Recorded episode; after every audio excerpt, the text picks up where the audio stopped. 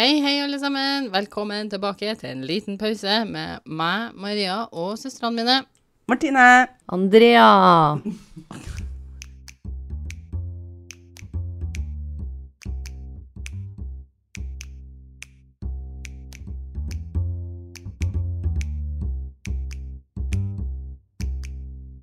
Vi må starte med å si at eh, vi beklager for at det ikke har vært eh, noen episoder på et par uker. Maria har hatt ferie. Ja, og hvor har jeg hatt ferie igjen? Her. Ja. Og nå er jeg selvfølgelig tilbake, Ja.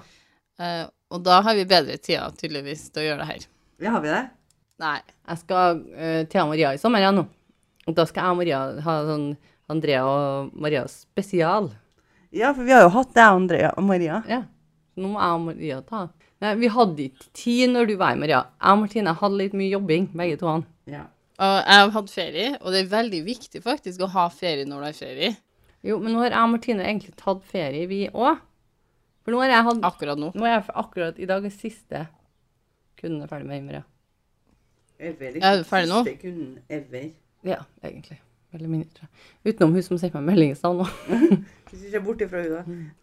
Nei, men kanskje jeg tror det er ingen som har så veldig lyst til å høre på unnskyldningene våre for Nei. ikke å spille inn. Men i dag så skal dere få høre om en sak fra Frankrike på eh, Seint på 1800-tallet, faktisk. Litt usikker på det eksakte året, det finnes sikkert, men uh, seint på 1800-tallet. Og denne saken her, da, den er litt spesiell. Det, eh, det eksisterer faktisk litt sånn ekko etter den i samfunnet vårt enda. Og dere har sannsynligvis sett noe som har med det her å gjøre, dere òg. OK. Og den saken her har også en tilknytning til en fyr fra Norge som laga leker for barn i etterkrigstida i Norge, da, etter andre verdenskrig. I dag skal dere få høre om eh, Den ukjente fra Sienne. Eller, som det heter på fransk, Le Cunun de la Zen. Og hvis dere vil høre det på Google Translate her, så venter jeg to sek. Hør. L'inconnu de la Seine. Du sa det helt annerledes enn deg. L'inconnu de la Seine. Cunun de la Zen. Ja. Kjøp den. Ja. Så, på slutten av 1800-tallet, i Frankrike, altså i Paris er det her, da, så blir det ei jente funnet i elva Sien. La cadulia liasen. Du, sånn. Ja, nesten, Martine. Du hadde den der. Denne jenta får som sagt navnet La de la Seine. OK. Så Sen, hva betyr det? Det er ei elv. Men den jenta her, da, som får navnet Den ukjente fra Sien, eh, det er jo fordi ingen vet hvem hun er, og ingen vet hvor hun kommer fra. Det blir estimert at hun var omtrent 16 år når hun døde. Om det er estimert i senere tid, eller om det er estimert da, det vet ikke jeg helt, men eh, det blir i hvert fall estimert til omtrent 16 år. Nå er det en bitte lita stund siden du begynte å fortelle denne historien. Eh, Hva, hva var det egentlig? Var hun død? Ja, ja. Eh, Det er ei jente som blir funnet i elva, og hun er da død når hun blir funnet. Ja, riktig. Og det blir spekulert på om det er eh, et selvmord, fordi det er i hvert fall ikke funnet noen merker eller noe sår eller noe på den jenta her når hun blir dratt i land da, Nei, etter å ha blitt funnet. kan det jo være, da. Det her har ikke jeg notert meg, men det var også sagt at den eh, Når noen hadde på en måte undersøkt om selvmordsraten, da, så hadde de funnet ut at damer ofte drukna seg sjøl, og menn ofte hengte seg sjøl på den tida her. Eh, men jeg tenker, hvis du har drukna, så kan mye ha skjedd deg. Det trenger ikke å være med vilje engang, liksom, at du drukner, på en måte.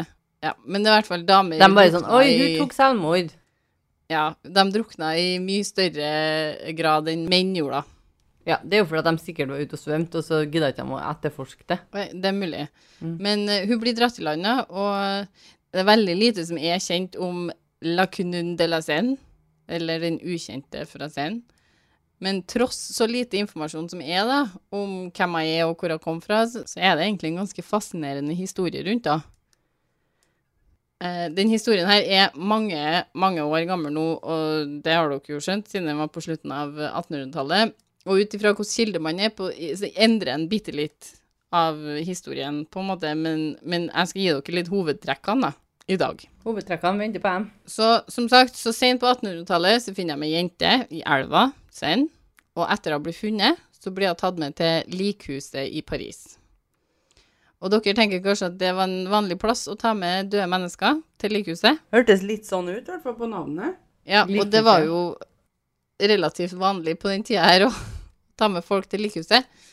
Men det som var litt spesielt med det her likhuset, var at det var veldig mange døde mennesker som spesielt ble eh, dratt opp av elva Seine, eh, eller plukka opp på gatene, som ble tatt med til det her likhuset. Så ukjente, gjerne, da. Ja, fordi det var spesielt vanskelig å få dem her identifisert. Så det var ukjente og damer. Nei, det var menn òg, her? absolutt, men det var uh, spesielt folk som ble dratt opp av denne elva.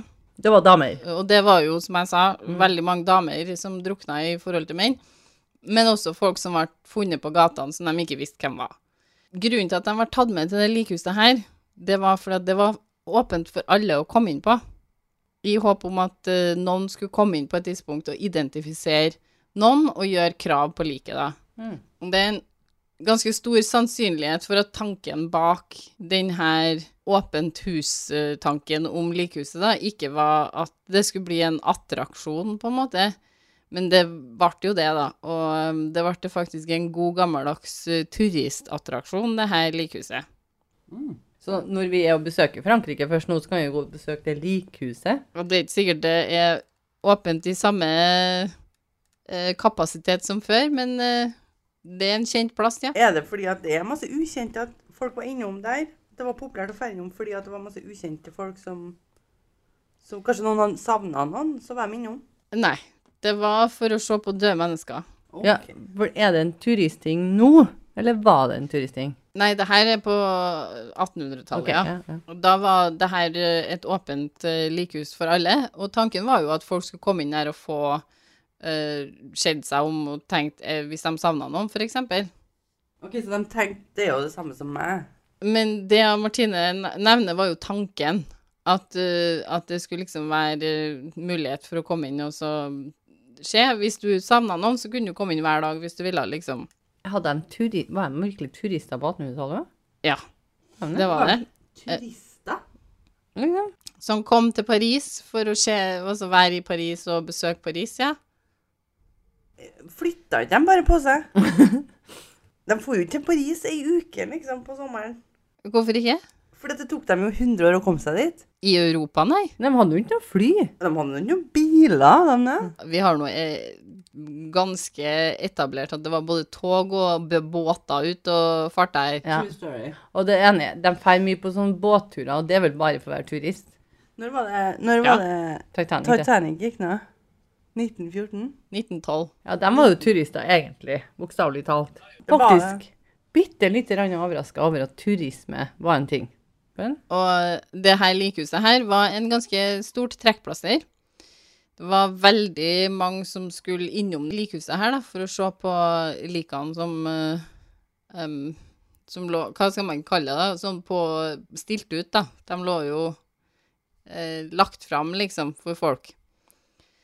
Så en artikkel på Bonjour Paris om det likhuset her, så står det forklart at likene som ble stilt ut, da, ble først avkledd, og eh, de tok en sånn sjekk på dem, liksom, om det var noe spesielt med dem, eller ja, så Er det noe uh, arr, noe ting vi kan liksom plukke fram her? Uh, og så uh, ble de frosset. Men før 1882 så står det der at det var isvann som drapp ned på kroppene som lå utstilt da, for å holde dem nedkjøla. Mens etter 1892 så hadde de laga et nedkjølingssystem for å holde kroppene kalde. veldig sånn opplegg. Og der ble de lagt bak sånne glass, eh, sånn som hvis du drar på museum, liksom, så er det sånn glass rundt eh, utstillingene, sant? Så det var sånn glass foran dem, og så var det sånn steiner, sånne store steinblokker de lå på, da. Var de typ balsamert? Nei, de lå der til, og var nedkjørt bak det glasset her. Eh, og der lå de i tre dager. Så i tre dager kunne folk komme inn og se på Å ja, så de var ikke der Så hun, de var ikke der hele tida, liksom. De ble bytta ut hele tida. Ja, ja, nye folk kom, ble jo funnet, og, og så ble klærne deres hengt opp ved siden av, for de ble stilt ut da, i tilfelle noen huska hvilke klær de hadde på seg, eller Så du hadde tre dager på å gjenkjenne noe lik, da? Ja. Så du måtte jevnlig ferdig dit, da, hvis du Ja. mangla noe? I hvert fall hvis du eh, kommer fra Sverige, da. ja, men Hvis du kommer fra Sverige, så vet jeg om det første plassen du leter, er Paris, da. Jo, med mindre- men det kan ha vært Martine. Jeg, kunne, jeg har vært på 1800-tallet. Søstera mi var- bodde i Paris, jeg bodde i Sverige. Ja, absolutt. Eh, Hun da hadde du forsvant. Vi klarer innom- ikke å ha noe kontakt med henne lenger. Jeg må gå og se. Hun er veldig dårlig på å svømme, så vi kan jo gå og sjekke borti rå på å svømme. nå, ja. Men ikke i det her scenarioet. På 1800-tallet. Nei. Heller ikke når du bodde i Paris. Nei, det er sant. Når det hadde gått tre dager, så ble det, kroppene enten fotografert, eller så ble det laga sånn voksavstøpning av dem. Det er de jo glad i. Det vet vi jo fra før av. Så de hadde foto, eh, fotoapparat. Ja. Ja. Og de beveger ikke seg så mye, de menneskene her, eh. Andreas. Så det går fint an å ta Nei, altså for meg, bilder. jeg, jeg kunne sett for meg at noen maler dem. ja det var Nei, det var bilder. Hvor kom kamera, Maria? I, på 1800-tallet står det her i Wikipedia, da, bare så alle er informert om det, så var det på 1800-tallet at bilder fra kamera fremkalles på ulike måter for å gjøre bildet permanent. Første kamera som ble laga, var i 1826. Eh, Men det tok åtte timer å eksponere bildet, og det var veldig uskarpt. Uh, så det var på 1800-tallet. Ja, 1826. på en sånn her fun fact var jo at det er derfor de ikke smiler på noen bilder. Ja. Fordi at eksponeringa tok så lang tid, men jeg visste ikke at det tok åtte timer. Det var lenge. Ja, det var lenge. Men det er veldig greit når de liker den. Jeg ligger sånn stille. Det gikk ikke så veldig lang tid til dem uansett. Men han hadde jo en dagsarbeid. Han som hadde tatt ett og ett bilde der, da. De hadde jo ikke noe de skulle gjøre resten av dagen likevel, dem, så. Nei, han har åtte timers lang arbeidsdag, da. Så tok han jo ett lik den dagen. Men det kameraet jobber sikkert litt sjøl. Tror du det? Jeg vet Tror ikke. ikke han må stå her. Ploff. gjør hva? Trykk på den der. For det, det er jo Og ha lukkeren. sånn, ha sånn over seg, sånn klut over seg. Ja, men det er jo lukkeren som tar tid. Det er jo den som går sånn.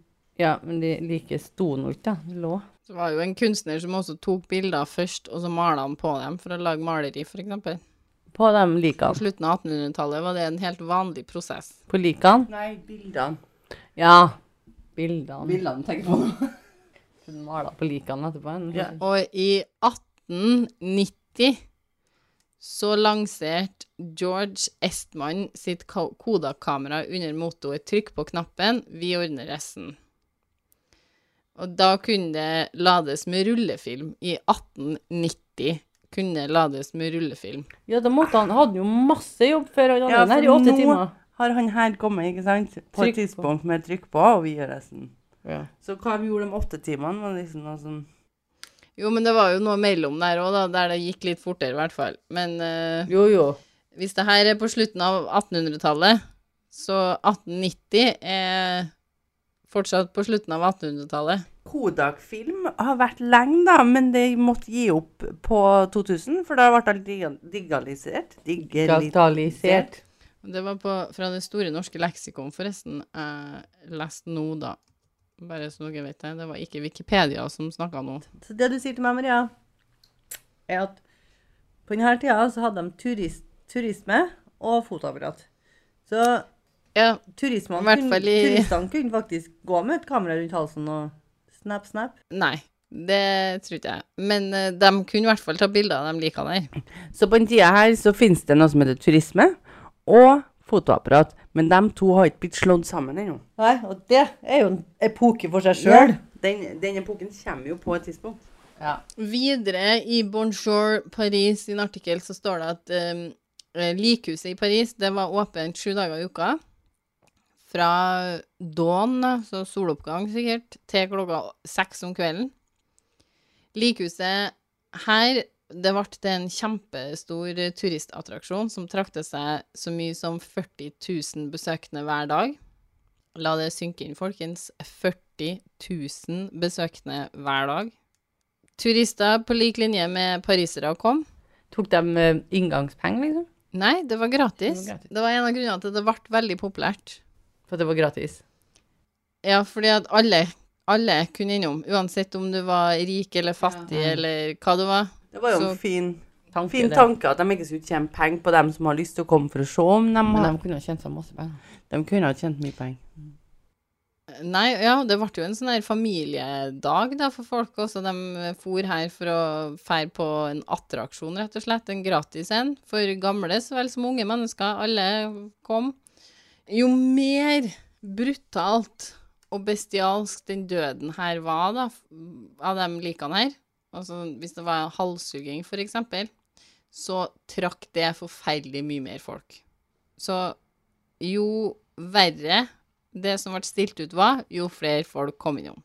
Og jeg skal ikke nevne noen spesielle saker her, for dem som vil eh, lære seg mer om det likehuset her i Paris, de kan finne ut av det sjøl, for det var nevnt noen veldig voldsomme saker. Vi hadde jo ei sånn vi hadde en sak om en jente i en nattdrakt eller noe sånt. Husker dere det? Var det på det her? Hun ble Eh, stilt Nei, ut, ja. men hun har vært stilt ut, ja. Mm. Hun ble stilt ut på et museum eller noe sånt. Ok, men det var i USA, det, kanskje? Ja, Australia? Ja, var det Ja, kanskje òg. Men de tok noen sånn avtrykk gaver, uten utenom det. Ja, hun brukte dem jo Ja. nesten som en sånn voksdukke der, sto. Ja.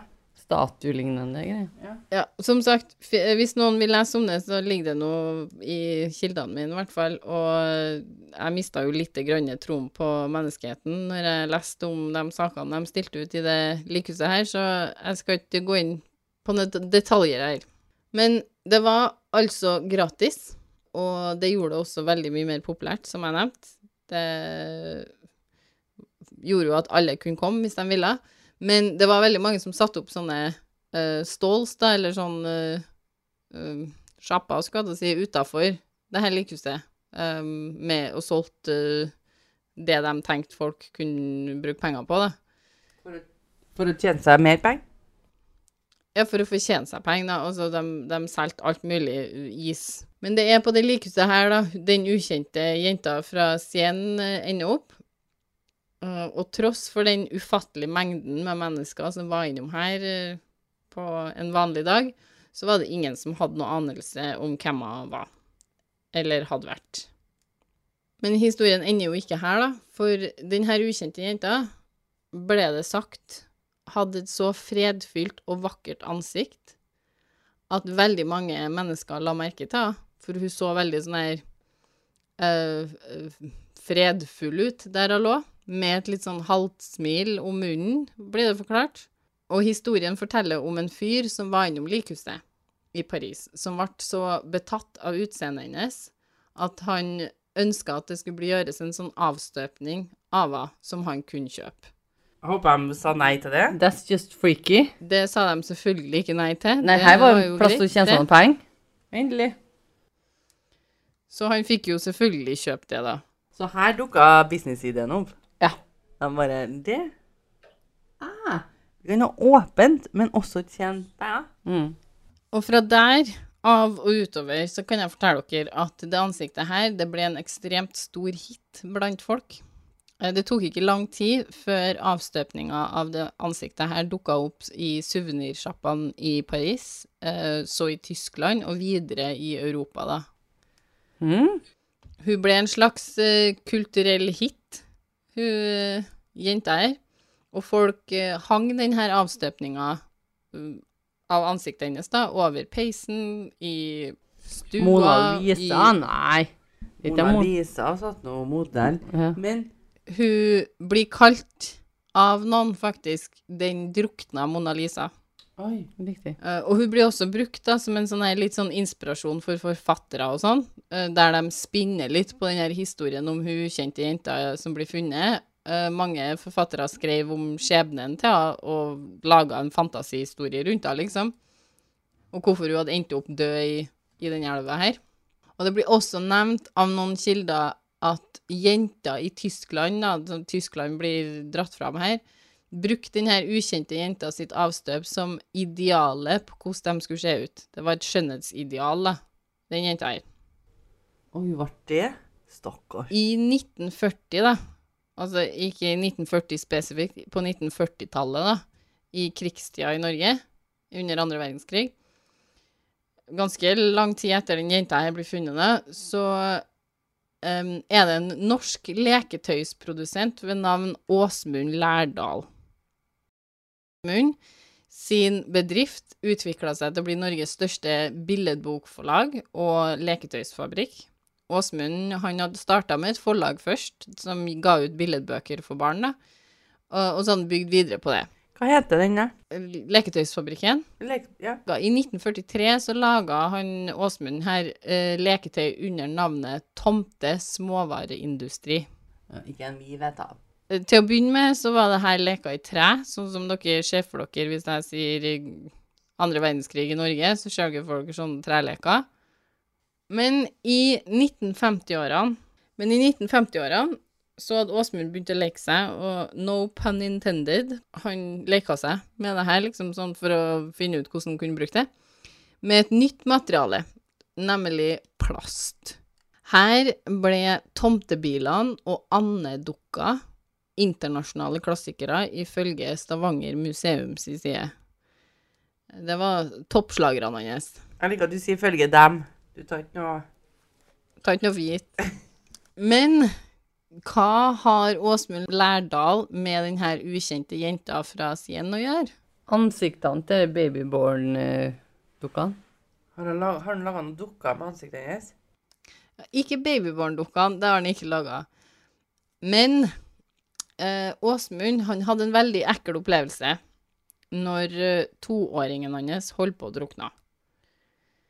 Åsmund klarte å dra gutten sin ut av vannet tidsnok og redde den, og klarte å få vannet ut av kroppen hans. Men Åsmund han ble etter det ganske opptatt av livredning. Han har laga de der dokkene du øver med. Ah. Så det var noen anestileger som tok kontakt med en Åsmund, fordi de trengte hjelp til å lage ei form for dukke for å hjelpe til å lære eh, en ny livredningsteknikk som de hadde oppdaga eller funnet på, eller hva man kaller det når sånne ting skjer i medisinske felt. Og Åsmund sa seg villig til å lage akkurat det, da. Ei dukke som kunne hjelpe til med å trene opp folk eh, for å gjøre livredning, da. Så han Åsmund han beholdt navnet på den populære dukka si, som han hadde kalt Anna, eh, til denne modellen også. Eh, fordi Åsmund følte at det var viktig at denne dukka som skulle brukes til livredning, var ei jente, fordi at han mistenkte at det ble vanskelig for menn da, på 1960-tallet her å øve seg på de her metodene, som inkluderte munn mot munn, da, hvis dukka var en mann. Ja. Stakkars. Stakkars mann, ja. Det går ut. Eh, Åsmund, han huska å ha sett ei avstøpning av ei jente med et halvsmil om munnen hengende på veggen til svigerforeldrene sine en gang. Og den avstøpninga han hadde sett der, var selvfølgelig den ukjente jenta fra Sien. Og dukka ble kalt Resuski Ann, Resuski Anne, eller Rescue Anne, som eh, det er mulig det er noe latinsk eller fransk eller noe sånt det her, men uh, Resuski An Anne, da. Eller amerikanerne sitt navn på den dukka her, som er CPR Anne. Siden Anne kom på markedet i 1960-årene, så har det også vært andre dukker som har vært produsert også. Men Resuski Anne er ansett som den mest suksessfulle livredningsdukka som er laga. Eh, den har vært med og redda over to millioner liv, faktisk. Det blir også sagt at uh, Resuskien er også den mest kyssa jenta i verden, eller mest kyssa ansiktet i verden. Og fjeset hennes er da det ukjente jenta fra Sien som mest sannsynlig døde av drukning en gang på seint 1800-tallet, da. Oi, det tok liksom en sånn De bare møttes endene, og så bare knyta dem sammen. Men Siden det er så mye av denne historien som har blitt fortalt i så mange år, da, så er det folk som spekulerer på om denne avstøpninga som alle sier er fra den jenta i, i Den ukjente jenta i elva, da, faktisk kanskje er fra noen helt andre, og at denne historien bare har balla på seg, og så har de på en måte mer enn enn det en gang var, da. Men Resyskien har i hvert fall bidratt til å redde millioner av liv, og i det tilfellet her har jo historien en positiv vri. Og vi kan jo da stolt kalle han her Åsmund eh, Lærdal en eh, av eh, en del av Norges historie, da. Kan man jo si. Vi vil se dokka og ansiktet hennes. Eh, nå skal dere få se hun frøkna her. Å ja, det er jeg som holder igjen øynene. Og munnen. Um, det er feil å si at jeg vet ikke om jeg syns det var en flott dame. Jeg syns ikke det. Hun var jo kjempesøt. Ja, jente. At det, Jente, ja, men hun er ikke gammel. jeg syns ikke jeg var gammel. Jeg tror ikke jeg s- Kanskje de ser veldig unge ut når de var 16. Men du ser at hun har sånn lurt smil. Ja. Tragisk. På den Var der jo litt bo- lik. dukka de bruker, ser jo øynene igjen. Men det var alt eh, jeg hadde for denne gangen. Veldig spennende. Veldig spennende historie, Maria. Du legger ut de linkene her på, som vi alltid sier at vi skal gjøre. Ja, de ligger under, eh, under episoden vår. I episodebeskrivelsen ligger alle linkene. Men vi legger ut noe på Instagram, som vi sier vi skal gjøre. Ja, vi skal prøve det. Ja. Vi skal høre med vår medieansvarlig om det er mulig. Det er Martine. Det er Martine. Det jeg den ja. jobben. Martine har alltid vært medieansvarlig. Da vil jeg si tusen takk for at du lytta på. Vi har en Instagram, hvis du har lyst til å søke oss opp på Instagram. En liten pause. Og før vi avslutter, så vil jeg også be om en liten greier, og det er Har du en vandrehistorie eller noe som har skjedd deg, kan du sende det til oss? Vær så snill. Vær så snill. Det hadde vært så artig å fått et par sånne. Ja, vet du hva, nå er det så lenge siden. Da, men nå har vi fått en av en veldig hyggelig en her. Fått den kanskje ikke. Du har sagt at du skal Nei. sende oss. Du må sende oss. Du vet Du hvem jeg som teasa oss på Instagram om at du skulle sende oss noe, men aldri gjorde det, du må få fingeren ut av ræva. Fingeren ut av ræva. Vi, vi trenger dere oss for å lage mer Innhold. podkast. Ja. Og da kan du også sende oss mail, selvfølgelig. ja. På en liten en, eh, Vet du eh, En liten pause podkast krøllalfa gmail.com. Se. En liten pause podkast med C. Ikke, ikke bruk det i, i mailadressen med C, men en liten pause podkast. Krøllalfa gmail.com. Podkast skrives med C. Og så er det sammenhengende ingen Bindestrek. punktum punktum ingenting. Så en liten pause podkast at gmail.com. Hvem skal du sende på, med e-mail, gmail, nei, hvem skal du sende mailen til, Martine? En liten pause podkast at Nei, gmail.com. men hvem skal du sende mailen til? Ja, ja, til Maria. Nei, hvem skal du sende pausen? Hvem skal du sende mail til? Oss. Ja, og hva heter vi? En liten pause. Og mens du skriver det, en liten pause skal jeg sende en mail til. Så da blir det en liten pause podkast. Nei, hva er en liten pause? det er en podkast! det jeg si. Ok, den uh, scrapper vi, Andrea. Og så sier vi tusen takk for at du lytta på. OK. Vi høres. Ha det.